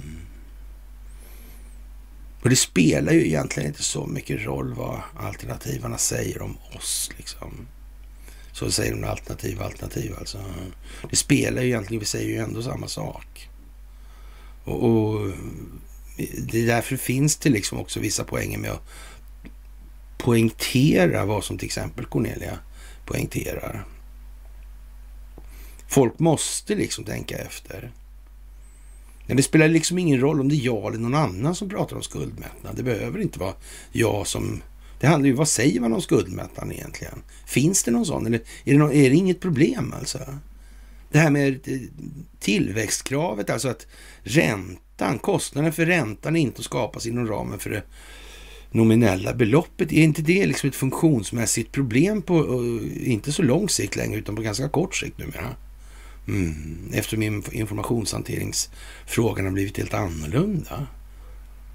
Det går inte, men nu går det inte att dra ut på det här med social, eller säga, finansiell ingenjörskonst längre. Nej, det gör det inte.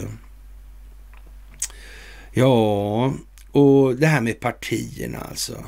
Nu gör ju Donald Trump eh, ja, verkligen ett nummer av det här med att visa vilka som är anhängare av det republikanska partiet och det är MAGA-folket. Och sen finns det då inom partiet ett antal korrupta politiker och anhängare. Eh, de tillhör egentligen Demokraterna, eller om man ska säga, eller Uniparty där då. Och eh, jag vet inte, känner någon igen det här med horhuset och Rosenbad och den politiska adeln? Är det någon som på allvar tror att om det är så jävla illa i USA så är det enormt mycket bättre här i Sverige? Som trots allt inte har någon konstitution och inte har någon maktdelningsprincip för att motverka institutionaliserad korruption som man har i den amerikanska konstitutionen. Eh, och det här innebär inget problem att man inte kan fälla företag för saker här i Sverige. Eh, det här med att vi inte har maktdelningsprincip, är inte det fantastiskt konstigt? Ja. De här eh, gamla monarkierna, ja. Vad sa Dick Harrison, där sista? Det var någon detalj där med Margareta den andra. Drottning av Danmark, ja. Det var någonting med den detaljen som var... Ah, det, var det, det, det är någon form av grundlagsfråga här alltså. Någonstans där. Ah, ja, ja. Vad ju tur vi har ändrat på det här i händelse av ofrid. Vi kan få bistånd av någon form av utländsk allierad makt. Ja. Ah, konstigt. Undrar hur de har tänkt att det här ska bli egentligen. Kan det vara så alltså? Att eh, vi måste ropa på hjälp? Kan det vara så? Och sen kan vi få lite hjälp med förvaltningen. Kan det bero på att vi inte har någon riktig grundlag? Ja. New Sweden, ja. Uh, Udda kan väl bli jämnt en stund. Sådär. Så här på kvällskvisten för Moder Sveas moraliska trovärdighet. Solen går strax ner. Mm. Ja. Stackars Svea. Mm. Ja. Och eh, ja... Tänk på hur det är i Sverige nu. Gör det. Det är nog ganska viktigt alltså. Ja. Etablissemangen, politiska etablissemangen. Mm. Som sagt, vilka pratar om problemet? Mm. Mm. Jag såg någon kommunikation någonstans där att... Mm. Men det kanske var rymdödlor som hade för de hade eh, above a certain pay grade. Ja ja, de ville höra saker. Ja, jag vet inte. Konstiga grejer där alltså. Ja, efter att Demokraterna och den djupa staten har fuskat i presidentvalet 2020 och störtade lagligt valde presidenten och hans administration så satte man upp stängsel runt Vita huset och Kapitolium och kallade in ja, nationalgardet då för att skydda de här. Man trodde att Donald Trump skulle komma med all militär och genomföra en kupp alltså. Det är ju konstigt alltså. Mm. Och representanthuset i Texas har röstat med överväldigande majoritet för att åtala deras eh, ja, justitieminister då, Ken Paxton. Och Paxton ska åtalas för att han har lagt ett förslag om att ordföranden i representanthuset, inte högsta domstolen som man har påstått tidigare, då tvingas avgå. Han är full på jobbet helt enkelt alltså. Och, och det verkar ju jättetokigt. Mm. Och, och Paxton får knappt förs försvara sig. Konstigt alltså. Mm. Vad gör guvernören för något i det läget? Gör ingenting. Och så här håller det ju på. Mm. Det verkar som att man behöver alltid i världen. Och all den stund man gör något sånt där, som man säger, ja, yvigt, nej men, ja, då får vi nog eh, hålla andan lite alltså. Mm. Då har man antingen mer i rockarmen än vad vi, vi tror. Eller mindre. Mm. Så så länge det går åt rätt håll, tydligt alltså, så ska vi nog vara tacksamma för att det tar den tid det tar. Mm.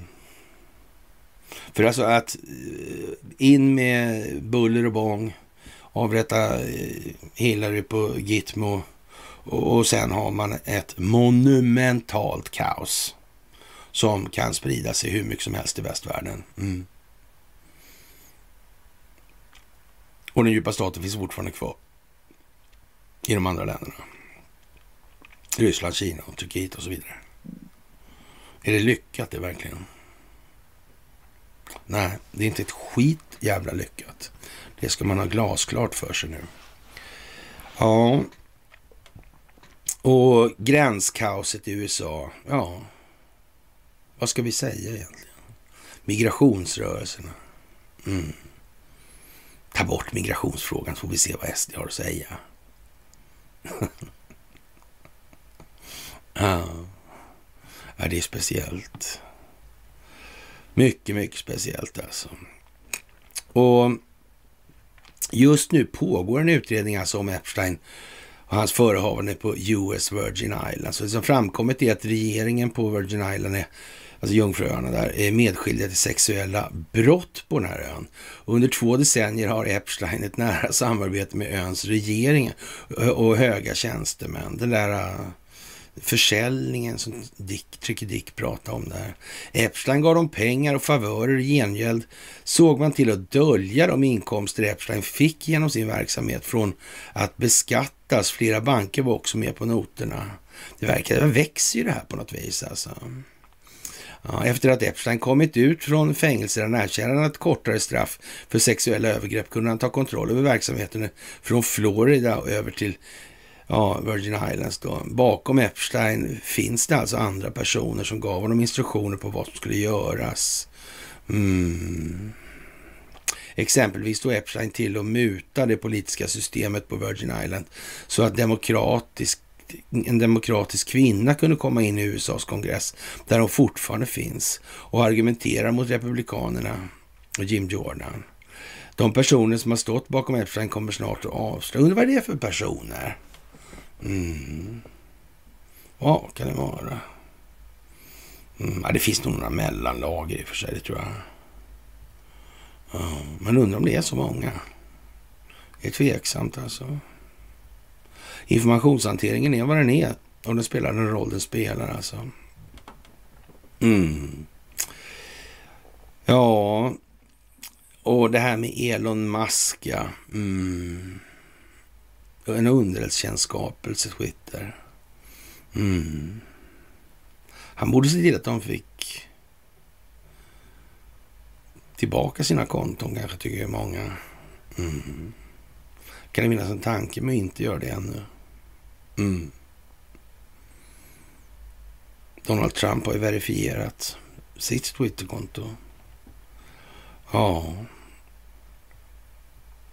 Mm. Ja, det där är speciellt alltså. Och Erdogan, han har suttit länge. Men det kanske måste vara så om man ska komma åt det här. Mm. Sen ska kanske inte valda politiker sitta så där jävla länge. Det kanske inte är så bra. Nej. Då får man nog ha en rätt så stor själslig resning känns det som. Faktiskt. Jag tror att det är så. Mm. Ja, och det har varit eh, rörigt på många ställen nu alltså. Mm.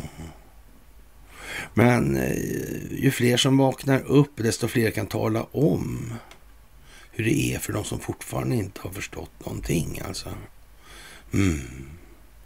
Och det är väl lite grann så att droppen måste urholka stenen i den meningen. Mm. Faktiskt.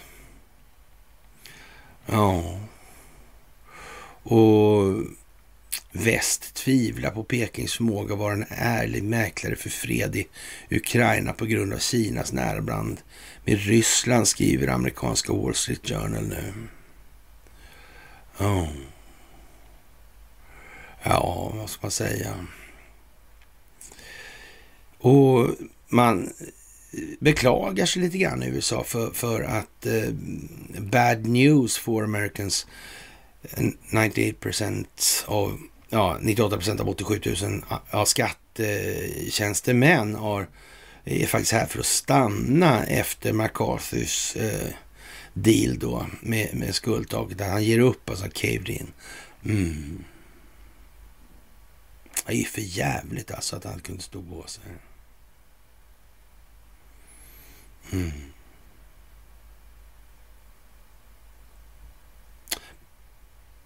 Hur var det där med Trey Gowdy och Louis Lerner? IRS, Tea Party-rörelsen, rensningen. Och sen plötsligt 87 000 skattetjänstemän som dessutom ska få vara beväpnade. Men man kan ju säga att om skattemyndigheten har politiserats och använts som vapen, politiskt vapen. Då innebär ju det per definition att då är ju skattemyndigheten korrumperad. Mm. Eller, och, men när man har, och det kanske kan vara rätt omfattande alltså det handlar om. Mm. Men om man ska vända ur det här på något vis då? Är det någon som har någon idé? Kan det bli sura miner kanske rent utav? Man måste kanske ha nya. Ja, tänka sig ja. Mm. Ja, ja, om, man, och, om dessutom den här korruptionen har suttit institutionaliserat jävligt länge. Det är mycket som ska redas ut och det är mycket pengar som har tvättats. Det är mycket medel som har tillskansats. Mm. Och gått de fiskala radaranläggningarna förbi genom att man har korrumperat den fiskala verksamheten. Mm. Eller man kanske skulle kört en Clinton där också. Mm. Man behöver liksom inte ha någon eh, rekryter kvalitetsrekrytering eller någonting sånt där. Det behövs inte bara ta och köra. Mm. Och det, framförallt är det bara att köra när som helst. Vad som händer i världen i övrigt ur något som helst sammanhang. Det behöver man inte koordinera någonting med. Jag vet inte fan, är det någon som tänker så fortfarande verkligen? Jag förstår att inte alla tänker på att det är så här alltså. Men, men eh, det kan inte vara så där svårt att förstå varför det är så där. Eller är det, är det då världens sämsta planering och bad news for Americans? Ja. Jo, men vad sägs om att plocka av dem de här grejerna? Hur ska man göra? Vem ska göra det då? Är det någon jävla cowboy det också som ska komma och tycka till det? Och han, den jävla cowboy, han kommer framförallt inte... Ja. Mm. Blood and gold, ja. Just det. Gå på Netflix nu.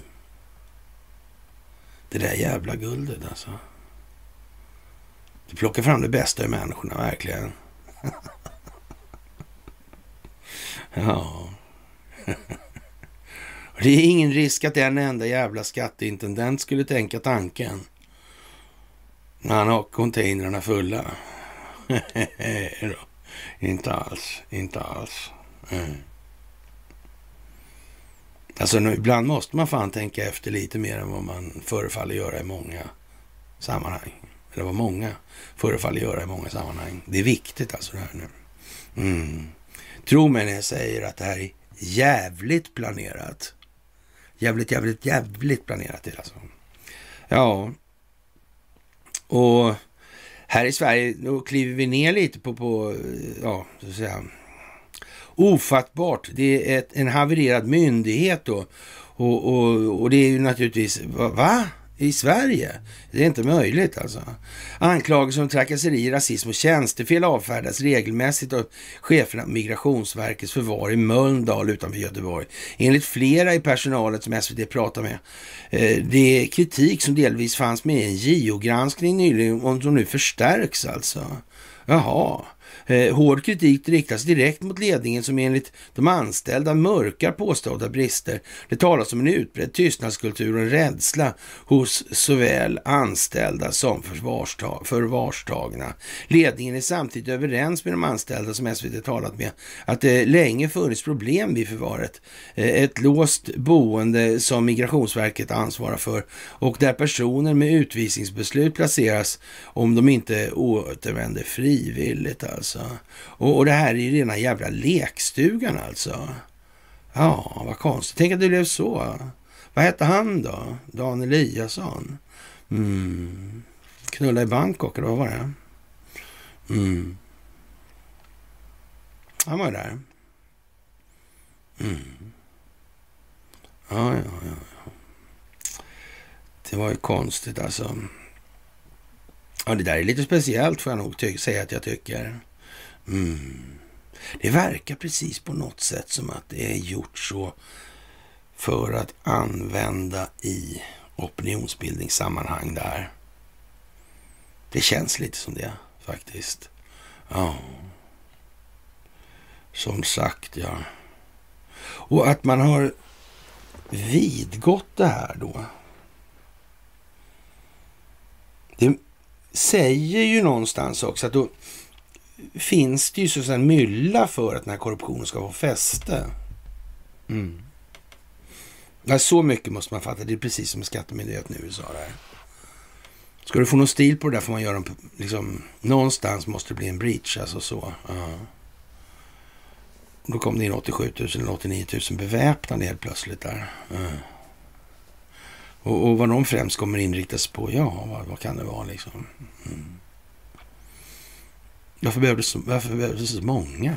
ja, ja, ja, det är klart att man från amerikanska alternativmedia från deras sida säger då att nej, men det här handlar om att trakassera Svensson. Eller, ja, amerikanen gemen alltså. Så är det alltså inte. Ja.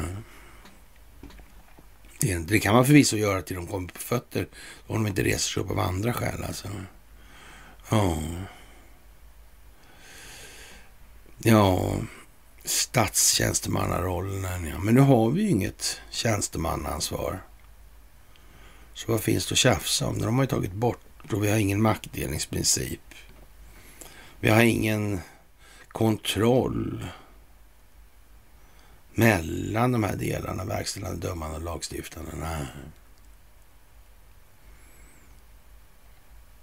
Ja, det kanske är ett problem, jag vet inte. Faktiskt alltså. Mm. Och det verkar vara så att de värsta individerna vaskas fram med hjälp av anställningstester och intervjuer. Man kan säga att det är nog fan en förutsättning nästan va? För att det här ska överhuvudtaget kunna hålla. Det tror jag faktiskt alltså. Mm. Och som sagt, eh, Vladimir Putin gratulerade Erdogan till hans omval till president. Det är ju inte så oväntat kanske. Nej. Och tvättas det svarta pengar inom fotboll. Spel på fotboll. Jag vet inte. Faktiskt. Mm. Arizona, ja. Mm. Valfusk. Mm. Speciellt alltså.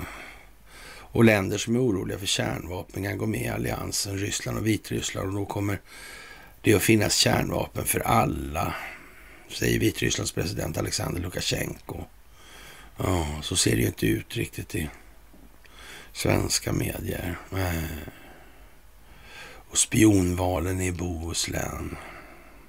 Och spionerar på ett lömskt och listigt sätt. Det är inte osmart att vara vit som val om man ska vara, röra sig dolt. Eller tänker man sig det här är en rolig och snäll cirkusval liksom. Så dum skulle ingen vara, ingen val vara som ville bli spion, att det var vit liksom. Känns ju konstigt alltså nästan. Ja, och som sagt, eh, gratulerar Recep Tayyip Erdogan, Donald Trump gör det. Han har en, gjort en stor vinst och välförtjänt vinst också i Turkiet. Jag känner honom väl och han är en vän till mig. Och jag och har lärt sig ja, first hand hur mycket han, ja, han har lär, Trump alltså lärt sig first hand hur mycket han älskar sitt land och eh, befolk, Turkiets befolkning. Mm. Ja, och som han har lyft då till ny nivå. Mm. I anseende och respekt. Mm. Ja. Mm. Ja, det är som det är helt enkelt. Faktiskt nu, det måste jag säga. Mm. Vi får väl hoppas att det går lugnt till. Nej, det kommer att gå lugnt till. Så är det. Ja, och eh, lämna Ericsson och få lön upp till 18 månader. P4 Blekinge, alltså står det i Sveriges Radio. Ja. Det där är ju som det är nu, kan man säga. Det är sådana tider, faktiskt. Och jag vet inte, ska vi ta något mer om eh, Zelensky kanske? Mm. Lindsey Graham. Mm. Som sagt. Lite väl dumt kanske, va? Skulle jag säga. Faktiskt. Mm. Och den här inosmi är ju en lite lustig källa. Analysen är ju liksom... Ja. Det, ibland är det ju som man bara baxnar alltså. Faktiskt. Hur Merkel banade väg för Ukraina-konflikten och så en bild på Vladimir Putin och Angela Merkel som skakar hand. Och, ja. Som sagt. Hm. Mm. Tänk att de aldrig förstod att de måste planlägga det här mot verkan mot djupa staten. Mm. Oh, visserligen så visste Jeltsin det. Att det här måste göras i steg och delar och han aldrig skulle få se resultatet och så vidare. Och så vidare, och så vidare. Mm, det visste han. 100% säkert. Men sen sket man och övergav den grejen, liksom, den långsiktiga. Sen gick man kortsiktigt. Liksom. Eller så kanske man inte gjorde det, jag vet inte. Mm. Saxen, Coburg, Gåta, ja. Ja, den 13 april 17, 17 1917, ja. Mm.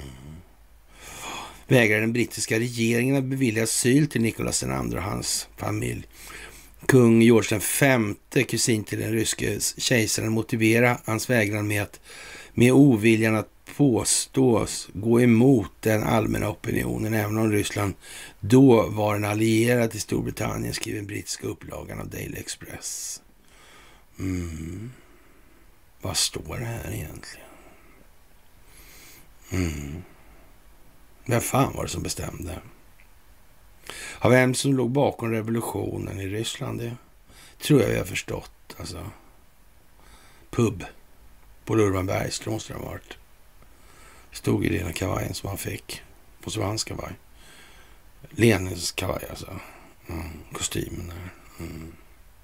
På Urban måste det ha varit. Det var ingen skiff och så vidare. Och så vidare. Ja, men vi vet ungefär vad det här var. Vi vet ungefär vad Nobel var och så vidare. Och, mm, sådär. Mm. Kungahuset sa nej alltså. Karl Gerd sa ju att vi har blivit filial till Goborg mm, mm. Mm. Jag vet fan alltså. Jag vet fan. Man får nog nästan säga att det är ja, 17 och efter första världskriget. Mm. Ja. Redan 19 började man tillverka tyska, tyskt fältartilleri på licens, vill jag påminna om. Mm, var det inte så? Jag tror det står till och med på Bofors egna böcker faktiskt. Ja. Ja, ja, ja, ja. Undantag från etikprövningslagen. Mm, medicinsk forskning, ja. Ja, det är ju som det är nu. Får man nog fan säga. Och Titanic-utställningen som började i Sundsvall förra sommaren ungefär är nu i Las Vegas, ja. Mm. Det är konstigt. Så det kan bli, hörni. Faktiskt. Och Gaddafi sa ju faktiskt att NATO expanderar mot Ryssland här och för att komma åt dess olja och gas och kol och järnfyndigheter. Mm, man vill ockupera och exploatera det här. Ja, det där är ju jättemärkligt att inte någon har sagt något. Ja, konstigt alltså. Mm. Internationell storpolitik när Kina, när Kina flyttar in i Torsboda. Är inte det konstigt? Du var hemma i Sundsvall i Sverige. Ja, och det är ju inte planerat och koordinerat. Ingenting alls är det. Det ser faktiskt allt mer ut som att den amerikanska delen kommer att vara en mer förvaltningsmässig del av det här och vem vet? Eh, jag bedömde ju Recep Tayyip Erdogan en gång i tiden lite grann sådär, inte så in i helvete, men en del gjorde jag det. Det helt säkert alltså. Så det kan nog faktiskt bli full hand på den här vissa givna bilden av mig och Hanna. Det ser ut som faktiskt det. Och ett möte på den skandinaviska reträttväg som passerades utanför Täcka udden i SVTs artikel om Wallenbergs covid-engagemang där man åkte ner och hittade, hämtade lamp och grejer. Så passerade Guldbron förbi där. Och Guldbron är en reträttväg då. Så alltså. Kan det vara så? Mm. Kan det vara så illa alltså? Mm.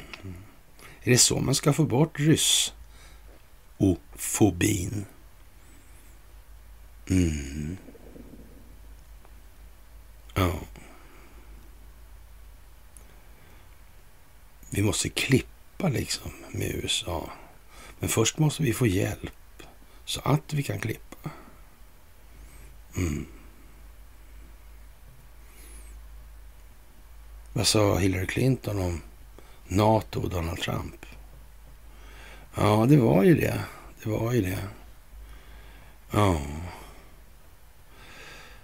Som sagt, eh, det är en politisk och ekonomisk stormakt som Sundsvallsregionen bjudit in och frågan är om det egentligen funnits något annat alternativ än just Kina i det här. Ja, det kan man faktiskt eh, fråga sig. Kan man fråga sig om det här har varit planerat väldigt länge? Det kan man också fråga sig. Vad sa Sergej Lavrov när han hade presskonferens med Ann Linde? Vad sa han för någonting då? Det var någonting med Kubal. Det var någonting om att Ryssland förväntade sig att... Uh. Och sen har Sundsvallsoligarken, vad har han gjort egentligen? Han har ju bara åkt runt och mutat folk överallt. Vilken, vilken en alltså. Uh. Undrar om de har geofensat det där hela skiten hela tiden, hela, överallt. Jag vet inte. Konstigt alltså. Mm. Ja, det är speciellt alltså. Mm. Ja. Som sagt. Eh, mm. Det där är inte så lite speciellt alltså. Nu är det storpolitik. Det är allt ifrån Titanic-utställningen till Kina. Mm, det verkar ha funnits geopolitiska inslag i miljön som liksom har gått lite spårlöst förbi för många. Inte minst lokalbefolkningen i Sundsvall tror jag. Uh, faktiskt alltså. Mm. Ja, vi får väl se vad det blir av det där. Men uh, som sagt, det handlar ju till största del om att göra sig av med den djupa staten. Man gör det koordinerat och samfällt, globalt. Mm. Och då kan man nog inte låta kärnan vara sådär. Den absoluta kärnan. Nej, det tror inte jag i alla fall. Så, och eh, ja... Och det här med att ett splittrat Tyskland kunde gå med i NATO, varför kan inte Ukraina göra det då? Ja, det är ju ingen, behöver man inte ens diskutera, det så dumt så det liknar ju ingenting alltså. Ja, det kan de helt enkelt inte för de är i konflikt. Mm. Så är det ju. Ja, och ja, jag vet inte. Det här historien med Andrea Doria, det där är, det där är lite speciellt alltså. Andrea Doria krockar med Stockholm, blir påkörd av Stockholmssidan. Mm. Ja, det där var en mycket speciell grej alltså. Faktiskt. Och det där med... Ja, det, finns ju, det fanns ju massa sådana här Äh, människor och, och, kopplingar till det här. Alltså. Svårt att veta liksom. Den här äh, konstiga...